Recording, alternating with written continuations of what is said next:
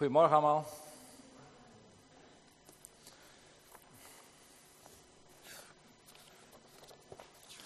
Ik wilde vanochtend beginnen met een, uh, een klein filmpje om u te laten zien. En uh, als het goed is gaat dat komen. Oh kijk, daar is het al begonnen. En als het geluid niet te hard is, dan praat ik er een beetje doorheen, want het is een beetje een saai filmpje. En zeker als je niet weet wat hier aan de hand is. Wat je hier ziet, het is een beetje een lage resolutie, maar daar links daar staat iemand viool te spelen. En uh, ik weet niet of u hem kent, maar het is, hij is heel erg bekend, een hele bekende violist. Het is Joshua Bell. Joshua Bell is een wereldberoemde violist. En hij speelt in grote concertgebouwen. En uh, ik denk als je daar een kaartje voor koopt, dat is best prijzig. En op een dag, wat deed hij? Op een, op een dag ging hij spelen in de hal van een metrostation. Dat was een soort experiment. Dat was in 2007. En uh, even kijken, hij ging ongeveer 43 minuten heeft hij daar gespeeld. En heeft hij een geweldig concert weggegeven. En er lopen allemaal mensen langs. En kijk maar eens goed wat er met al die mensen gebeurt. Al die mensen die lopen allemaal rustig door. Hij speelde een geweldig concert weg op een hele oude viool. Een viool van bijna 300 jaar oud. En in die 43 minuten passeerden er 1097 mensen. Ze hebben dat allemaal geteld, dat is natuurlijk niet zo moeilijk op zo'n filmpje, kun je het allemaal doen. En er zijn zeven mensen gestopt. Zeven mensen zijn gestopt en die hebben geluisterd naar zijn verhaal. Of die hebben er wat geld gegeven. En van die zeven waren het nog meestal kinderen ook. Dus een wereldberoemde violist speelt in het metrostation. En uh, de meeste mensen hebben het hartstikke druk, hebben een eigen doel voor ogen, die gaan hun ding doen. En het is hun niet opgevallen hoe waardevol het uiteindelijk is wat daar allemaal gebeurt. Hoe geweldig is wat daar uiteindelijk gebeurt. Nou, zo gaat het een tijdje door. Oh kijk, ze versnellen het ook nog even. En je ziet dat er inderdaad iemand staat te wachten. En aan het eind, maar dat zullen we, zullen we niet zien, dan is er één iemand die zegt, ik heb u uh, gezien in het concertgebouw, ik ken u. En dat is eentje van die 1097 die hem daadwerkelijk ook herkent. Nou, je mag hem uh, weer uitdoen. Het is een beetje illustratief, want we gaan richting kerstfeest. Het is vierde uh, advent en nog een paar dagen en dan is het kerstfeest. En we zijn allemaal druk bezig met kerstfeest, of allemaal. Wij zijn thuis druk bezig met kerstfeest. Kijk, en nu komt het plaatje er ook bij, mooi. Uh, we zijn druk bezig met, met kerst, de boel in te kopen, naar de kerststalletjes weer uitstallen. We zijn allemaal druk bezig met liedjes instuderen, met de kerstdienst voorbereiden. op school is er al kerstfeest geweest, er is een oudere kerstfeest geweest, we moeten dingen indoen. Dus we zijn al bezig met kerstfeest. En uh, dat was die Joshua Bell. En het kerst staat vol met allerlei activiteiten. Ik probeer een beetje die parallel te trekken met het filmpje wat we net gezien hebben. Uh, soms zijn we zo druk dat we het doel voor, voorbijstreven. Dat we voorbijstreven waar het, waar het uiteindelijk nou om gaat. Wat nou juist zo belangrijk is met kerst. En dan weten we wel, daar in het midden, dat is een kind in een kribbe en er is een kind geboren. Dat is allemaal mooi, maar wat betekent nou kerstfeest eigenlijk? En het zou mooi zijn als je tijd hebt de komende dagen, en ik wilde vanochtend met u bij, bij stilstaan om te kijken, wat, wat, wat betekent kerstfeest nou voor jou? Wat betekent kerstfeest nou voor mij? Want zo'n kind brengt heel veel in beweging. Nou, Johannes en Ottelien hebben dat ook gezien. Ja, een kind thuis en dan gelijk de hele boel op de kop. Uh, de hele wereld is anders. Zo'n kind bepaalt bijna je dagritme. Zo'n kind brengt heel veel in beweging en dat zien we ook wel in de wereld. Een kind is geboren, een kerstfeest en er is gewoon heel circus wat er omheen uh, gebouwd. Uh, maar waar gaat het nou eigenlijk om met kerstfeest? Wat is nou de kern van kerstfeest. Want je kan het zo druk hebben dat je voor je het weet in oud en nieuw zit en misschien kerst niet echt gevierd hebben.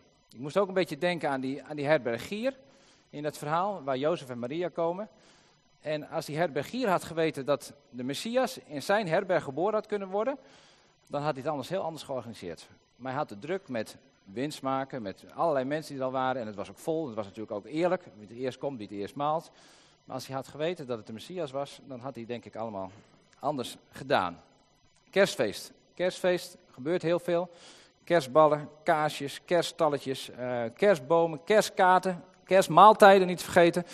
Uh, maar waar gaat het nou eigenlijk om met kerst? En wat betekent kerst nou voor u en wat betekent kerst nou voor jou? Het is een beetje een kerstspreek als aanleiding tot kerstnachtdienst waar we het opnieuw over kerst gaan hebben. En ik wil met u nadenken over wat kerst nou betekent voor u en voor jou. En aan het eind ga ik je ook vragen om dat uh, op te schrijven. Dat doen we tijdens de koffie, want dan kun je ook een bakje koffie halen. Maar daar liggen, in die mandjes liggen sterretjes. En hebben een heel aantal mensen hebben ook al wat opgeschreven. Wat betekent kerstfeest nou voor jou? Dat je erover nadenkt en dat opschrijft en dat we dat ook aan elkaar laten lezen. Wat betekent kerstfeest? Ik wil beginnen met het lezen van een stukje uit, uh, uit Lucas 1. En dat sluit heel mooi aan bij het lied wat we net hebben gehoord, wat zo heel mooi gezongen is over Maria. Maar dit gaat gedeelte, dat gaat ook over dat Maria de boodschap krijgt. Dat ze een kind zal krijgen. Lucas 1, vanaf vers 26 tot en met vers 38. En ik lees het voor uit de Bijbel in gewone taal. Maar je mag gerust meelezen. Lucas 1, vers 26. God stuurde de engel Gabriel naar Nazareth, een stad in Galilea. Elisabeth was toen zes maanden zwanger. De engel ging naar Maria, een jonge vrouw die zou gaan trouwen met Jozef. Jozef kwam uit de familie van koning David. De engel zei tegen Maria: Ik groet je, Maria. God heeft jou uitgekozen. Hij zal bij je zijn. Maria schrok van de woorden van de engel. Ze vroeg zich af wat hij bedoelde. Toen zei de engel tegen Maria: Je hoeft niet bang te zijn, Maria. God heeft je uitgekozen voor iets moois. Je zult zwanger worden en een zoon krijgen. En je moet hem Jezus noemen. Jezus zal heel belangrijk zijn. Hij zal zoon van de Allerhoogste God genoemd worden. En God, de Heer, zal hem koning maken, net zoals zijn voorvader David dat was. Jezus zal voor altijd koning van Israël zijn. Aan zijn macht komt geen einde. Maria zei tegen de engel: Maar ik slaap nog niet met een man. Hoe kan ik dan zwanger worden? De engel antwoordde: De Heilige Geest zal bij je komen. En door de kracht van de Allerhoogste God zul je zwanger worden. Daarom zal jouw kind bij God horen en zal hij zoon van God genoemd worden. Ook je familielid, Elisabeth, krijgt een zoon. Iedereen dacht, zij geen, dacht dat zij geen kinderen kon krijgen. Maar nu is ze al zes maanden zwanger, terwijl ze toch al oud is. Voor God is alles mogelijk. Maria zei: Ik wil God dienen. Laat met mij gebeuren wat u gezegd hebt. Toen ging de engel weg. Tot zover. Het zal je maar gebeuren als jonge vrouw dat er een engel komt en de engel die gaat vertellen: uh, Jij wordt straks de moeder van de Zoon van God. Jij wordt moeder en er komt, de Heilige Geest komt en die gaat jou zwanger maken. Het zou je maar gebeuren. Dat is een heel, heel bijzonder verhaal. Maar wat, wat staat hier nou eigenlijk? En wat staat er ook in, in, in het gedeelte wat wij gelezen hebben? Het is de Allerhoogste die een vrouw uitgekozen heeft, die Maria uitgekozen heeft om, uh, om Maria zwanger, uh, dat, dat ze zwanger gaat worden. De Allerhoogste die gaat zich verbinden aan Maria. De Allerhoogste die verbindt zich aan de wereld. De Allerhoogste verbindt zich aan deze wereld, aan ons als mensen. God verbindt zich op deze manier, op een hele definitieve manier, aan de mensheid. Als we het hebben over kerstfeest, dan mogen we nadenken dat God zich verbindt vanuit het Allerhoge, vanuit heel ver, zich verbindt aan een vrouw, aan Maria, en daardoor dat God zich verbindt aan deze wereld. Voor altijd verbonden, zou je kunnen zeggen. Ik heb ook gedacht, waarom zou God niet gewoon een, een, een, een ruimteschip hebben gekozen of zo? Had met een ruimteschip kunnen landen en dan was hij ook naar deze aarde geweest. Of uh, dat Jezus er ineens was toen hij 30 was, dat kan natuurlijk ook. Hadden we ook een heel mooi verhaal van kunnen maken. Ineens was hij er en het was heel goddelijk en heel speciaal. En dan was het zo, klaar. Of uh, in deze tijd, God had ook een website kunnen openen waar je een mailtje kon sturen en even chatten. En dan was het ook allemaal geweest. Maar God koos ervoor om bij een vrouw te zijn en dat daar een kind geboren werd. Want er moest nieuw leven komen. God wilde zich definitief verbinden aan de mens. Op deze hele bijzondere, kwetsbare manier wil God zich verbinden aan deze wereld. En dat is eigenlijk helemaal niet nieuw. Want als je door de Bijbel heen bladert, dan zie je steeds weer dat God zich wil verbinden aan mensen.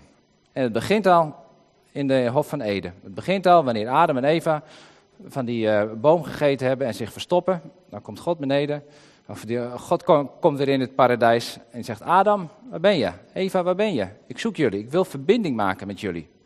Ook al heb je je verstopt, ben je weggestopt, ben je weggegaan. Ik wil verbinding met je maken. En God verbindt zich steeds weer aan de mens. Hij verbindt zich ook in zijn naam aan de mensen. Als je het hebt over de God van Abraham, Isaac en Jacob, dan zegt hij, ik ben daar de God van. Hij noemt zijn naam daarbij, ik ben de God van. En als je nog verder doorbladert naar openbaringen, dan zie je dat God daar staat en dat hij zegt, ik sta aan de deur en ik klop. De hele Bijbel door is God op zoek naar ons en wil God zich met jou en met mij verbinden. Omdat hij ons waardevol vindt, omdat hij van ons houdt, omdat hij niet aan ons voorbij gaat. Ik denk dat dat misschien wel een van de grootste, of een van de mooiste dingen is, waar, waar, wat we met kerst mogen eh, gedenken, waar we bij stil mogen staan, is dat God zich verbindt aan ons en dat hij niet aan ons voorbij gaat, dat hij niet doorloopt. Dat hij ons waardevol vindt, dat hij ons ziet zitten, dat hij ons kent, dat hij stopt bij ons en dat hij naar ons toekomt. Ik denk dat, we, dat een van de mooiste dingen is dat we, uh, dat we mogen weten dat God ons ziet en ons kent. Ik weet niet hoe, hoe, u dat hebt, maar als ik, eh, als ik ergens ben en ik word, word niet gezien of mensen slaan mij over, dat vind ik vervelend. Ik denk dat heel veel mensen dat vervelend vinden. Dat een van de ergste dingen is. Maar God, die ziet ons, die kent ons en die wil zich aan ons verbinden. Toen moest ik ook denken aan ons jaarthema. Volg jij mij? En ik, nou met kerst is het eigenlijk helemaal andersom. Is het niet dat wij God volgen, maar is het eerder dat God mij volgt. En God achter mij aangaat. Misschien mij wel achtervolgt, heb ik opgeschreven, om bij mij te komen. Hij wil zich aan ons verbinden.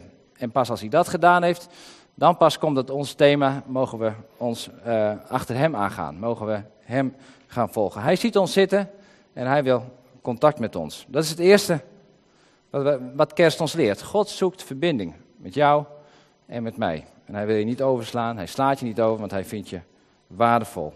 Hij strekt zijn hand naar, zich, naar je uit en zegt, ik wil verbinding met jou. Ik wil me aan jou verbinden.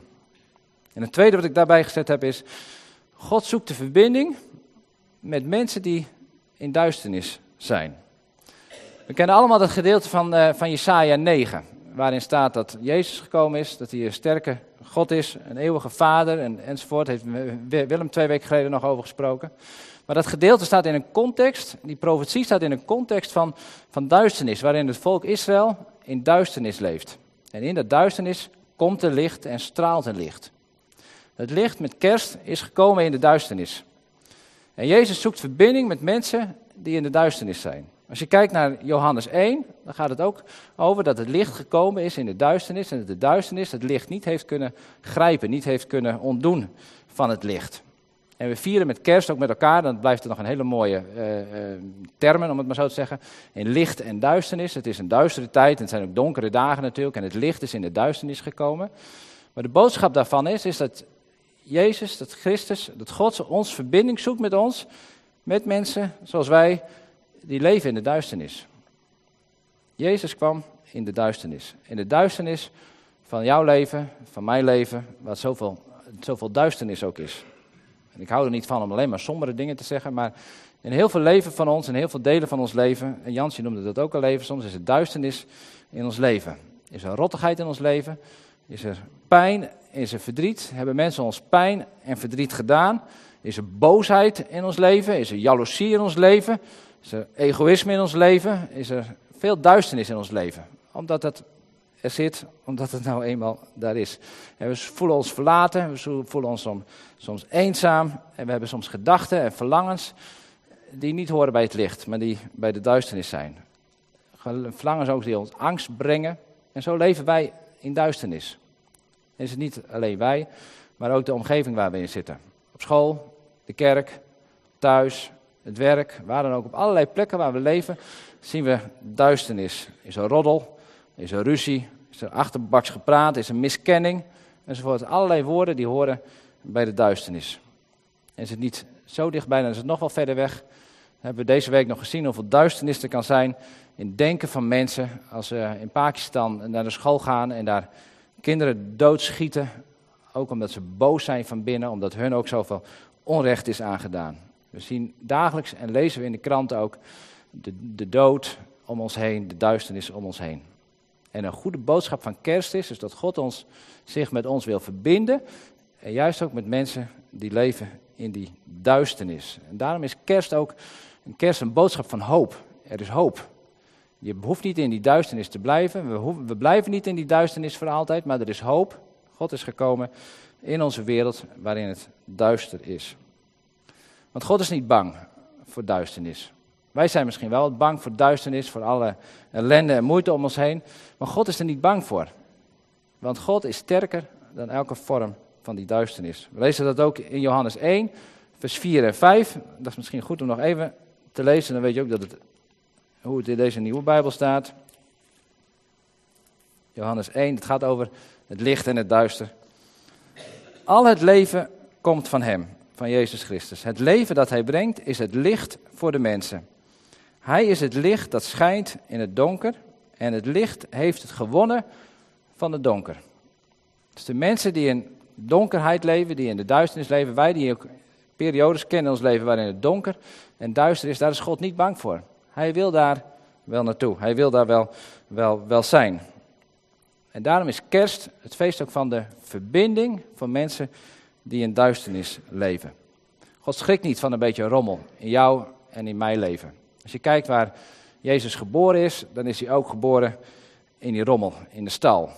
En Katrine zei al, er, is geen, er was misschien geen kerstboom en weet ik wat allemaal, maar het was er wel een rommel. En volgens de kinderverhalen was er ook nog een os en een ezel bij. Dat zou ook wel lekker gestonken hebben. Het zou ook wel een vieze boel zijn geweest. Maar Jezus, die, die, die wordt geboren in een stal daar waar het rommel is en daar waar het vies is en daar waar het duister is. Nou, als jij duisterheid en duisternis in je leven hebt, als er rotzooi in je leven is, God schrikt daar niet van. Hij wil daar geboren worden. Hij wil daar komen. En zodra wij zeggen, Heer, wilt u daarin uh, komen, dan komt hij in jouw rommel, in de viezigheid van je leven. En daar schrikt hij niet van. En dan mogen we reageren zoals Maria reageerde. Uiteindelijk zegt Maria, dat hebben we gelezen net ook, voor God is alles mogelijk. En Maria zei, ik wil God dienen, laat er met mij gebeuren wat u gezegd hebt. Toen ging de engel weg. Dus we mogen net als Maria reageren, Heer, u het maar in mijn leven, in de rotzooi van mijn leven. Ik heb er een puinhoop van gemaakt. Of misschien heb ik het wel allemaal heel mooi op orde. Maar ook vergeten een plekje voor u te hebben of een grotere plek voor u te hebben. God wil dat doen en hij wil in ons leven komen. Ik wil je daartoe uitnodigen om ook misschien daar weer voor open te staan met kerst. En zeggen, Heer, wilt u maar komen in de rommel van mijn leven, in de puinhoop die ik ervan gemaakt zou kunnen hebben. Dus God zoekt verbinding met ons, met, de, eh, met mensen die in duisternis leven. En wat gebeurt er dan? Als we Jezus uitnodigen, wanneer we God toelaten in ons leven en die verbinding hebben, dan wordt Christus geboren. Dat is eigenlijk wel heel mooi. Die verbinding is er. En we laten in de duisternis. En wat gebeurt daar? Daar wordt een kind geboren. Het is een kind van Maria en een kind van God. Het is de zoon des mensen en de zoon van God. God verbindt zich aan ons en er wordt nieuw leven geboren. En dat vieren we met kerst. Dat een nieuw leven, dat Jezus Christus geboren is. Een God die zich verbindt aan ons. We hebben dat net ook gezien met uh, Johannes en Ottelien. Trouwens een, een, mooi, een mooi voorbeeld, zo zou je het ook kunnen zeggen. Want wat daar gebeurt is eigenlijk ook weer niet zo heel erg bijzonder. Want het principe kennen we natuurlijk allemaal. Al is het niet vanzelfsprekend. Uh, een, een, man die vindt een vrouw en ze gaan zich aan elkaar verbinden.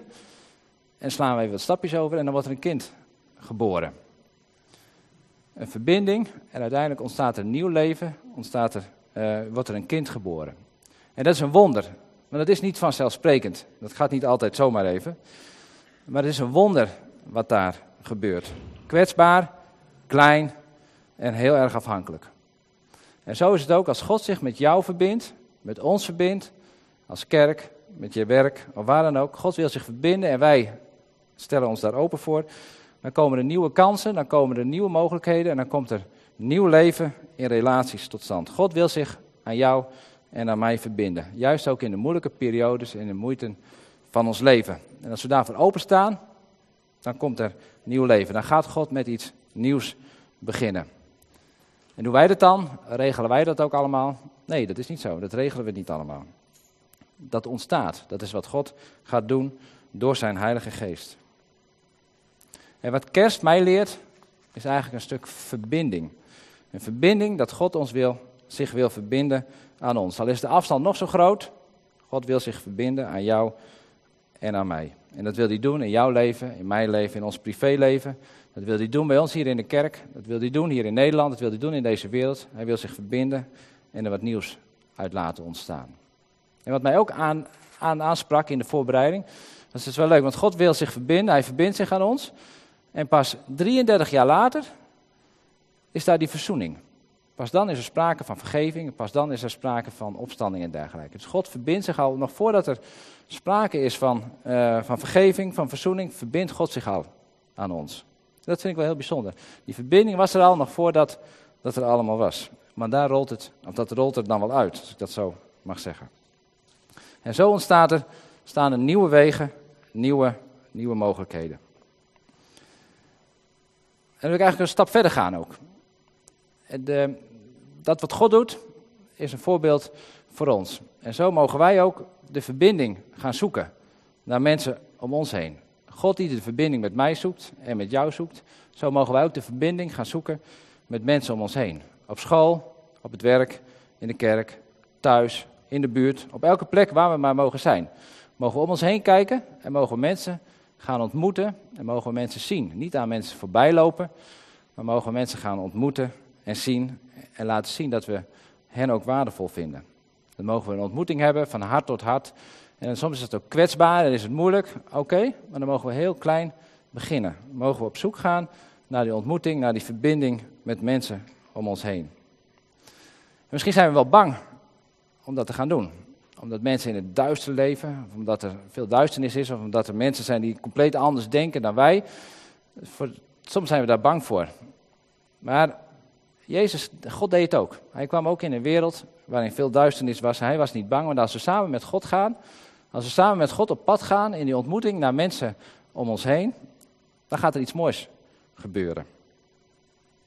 Misschien hebben mensen je veel pijn gedaan afgelopen jaar. Misschien zijn er wel uh, mensen in je gezin, in je familie waar heel veel problemen en moeite zijn. En dat je denkt, nou, ik zal er wel terug. Dit kan helemaal niet. Uh, ik heb het recht om boos te zijn, om allerlei dingen te doen. Maar God vraagt ons om in verbinding te blijven en om verbinding te gaan met mensen om ons heen. En misschien duurt het wel 33 jaar voordat er een keer vergeving komt, voordat er andere dingen zijn, maar we mogen beginnen met verbinding maken en met de ander te gaan ontmoeten. En hoeven we niet al die redenen aan te halen waarom we het niet zouden doen, maar mogen we de redenen aanhalen waarom we het wel zouden doen. Want Jezus kwam ook naar ons, naar deze aarde, eh, nog voordat we enig begrip hadden van wat hij allemaal precies zou gaan doen.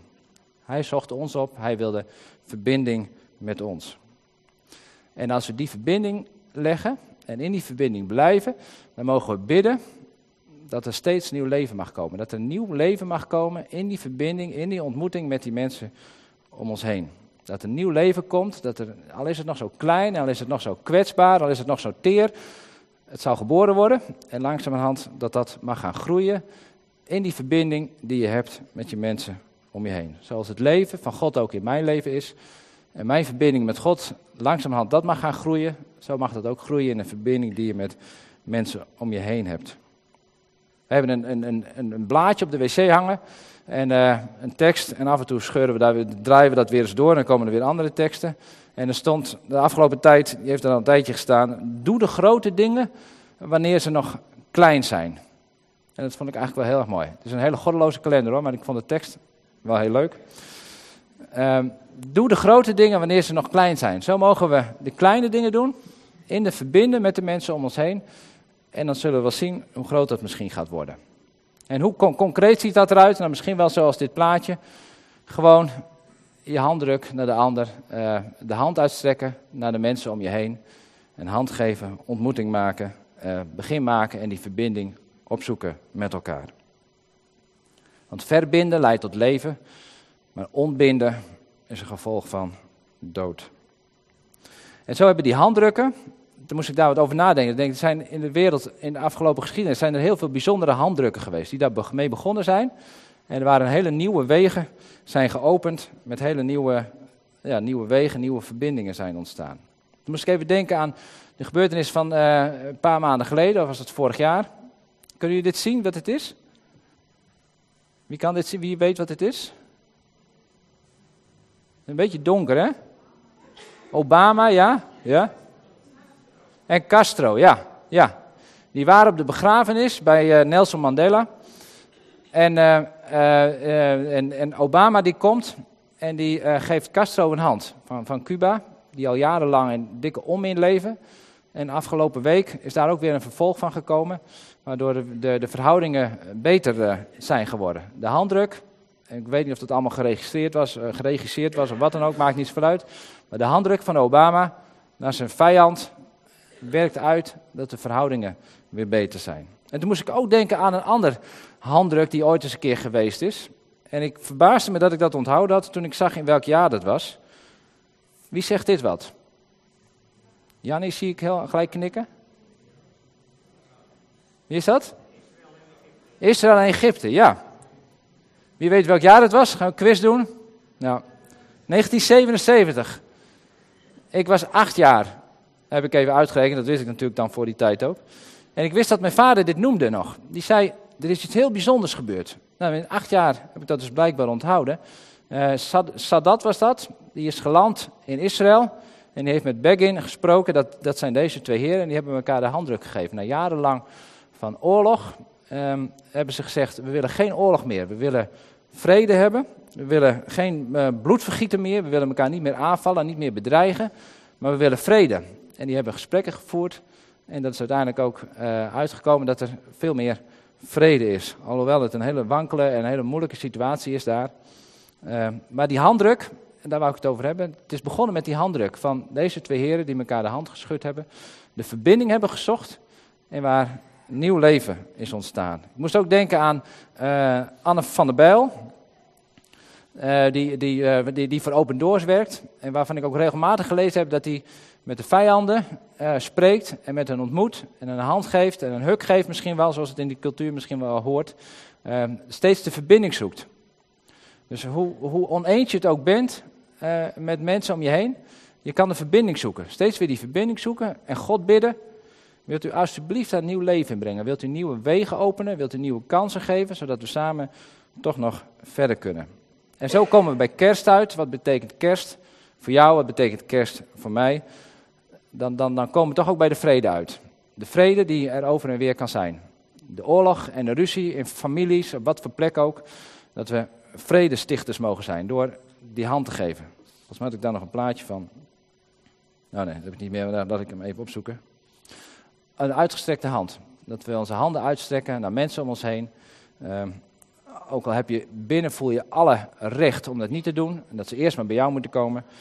Uh, maar dat we onze handen mogen uitstrekken en zeggen: hé, hey, zullen we samen verder, zullen die verbinding gaan zoeken. En biddend, misschien samen biddend, van wilt u nieuwe wegen openen en wilt u een nieuwe leven brengen ook. Mooie theorie.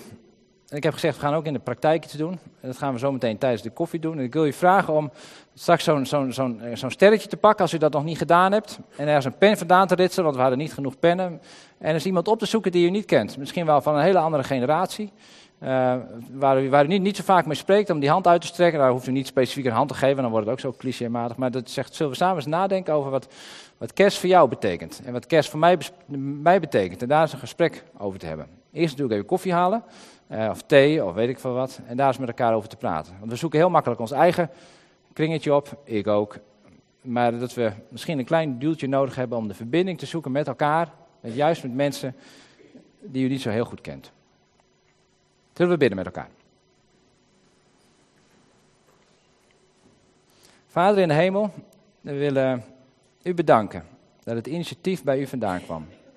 Dat u, de Allerhoogste God, naar deze aarde kwam om u met ons te verbinden. Heer, dat we in Maria verbonden zijn. En dat, dat u daar gekomen bent om nieuw leven te brengen. En dat u ook zo naar ons toe wil komen om in ons een nieuwe leven te beginnen. Heer, en we kunnen hoog en laag springen, maar uiteindelijk met u het die het doen moet, die het in ons bewerkt. Heer, en zo willen we ons dan ook openstellen voor het nieuwe leven, wat u in ons wil vormgeven. Wat u steeds verder wil vormgeven, wat u wilt laten groeien, tot iets heel moois. Dank u wel dat u de initiatiefnemer bent, dat u de God bent die niet ver weg is gebleven, maar dichtbij is gekomen, heel dichtbij is gekomen en voor altijd aan ons verbonden bent. Heer, en zo bidden we ook, um, als we de komende weken, als we de komende week kerst gaan vieren, maar zoveel ontmoetingen hebben met mensen om ons heen, in de familie, met vrienden, met mensen van het werk of op school. Heer, dat we steeds die verbinding zullen blijven zoeken. Dat we putten uit, uit die bron van u, die liefde is, de bron die uh, ieder mens wil zien, die ieder mens waardevol vindt. En dat we daardoor geleid naar mensen om ons heen mogen stappen.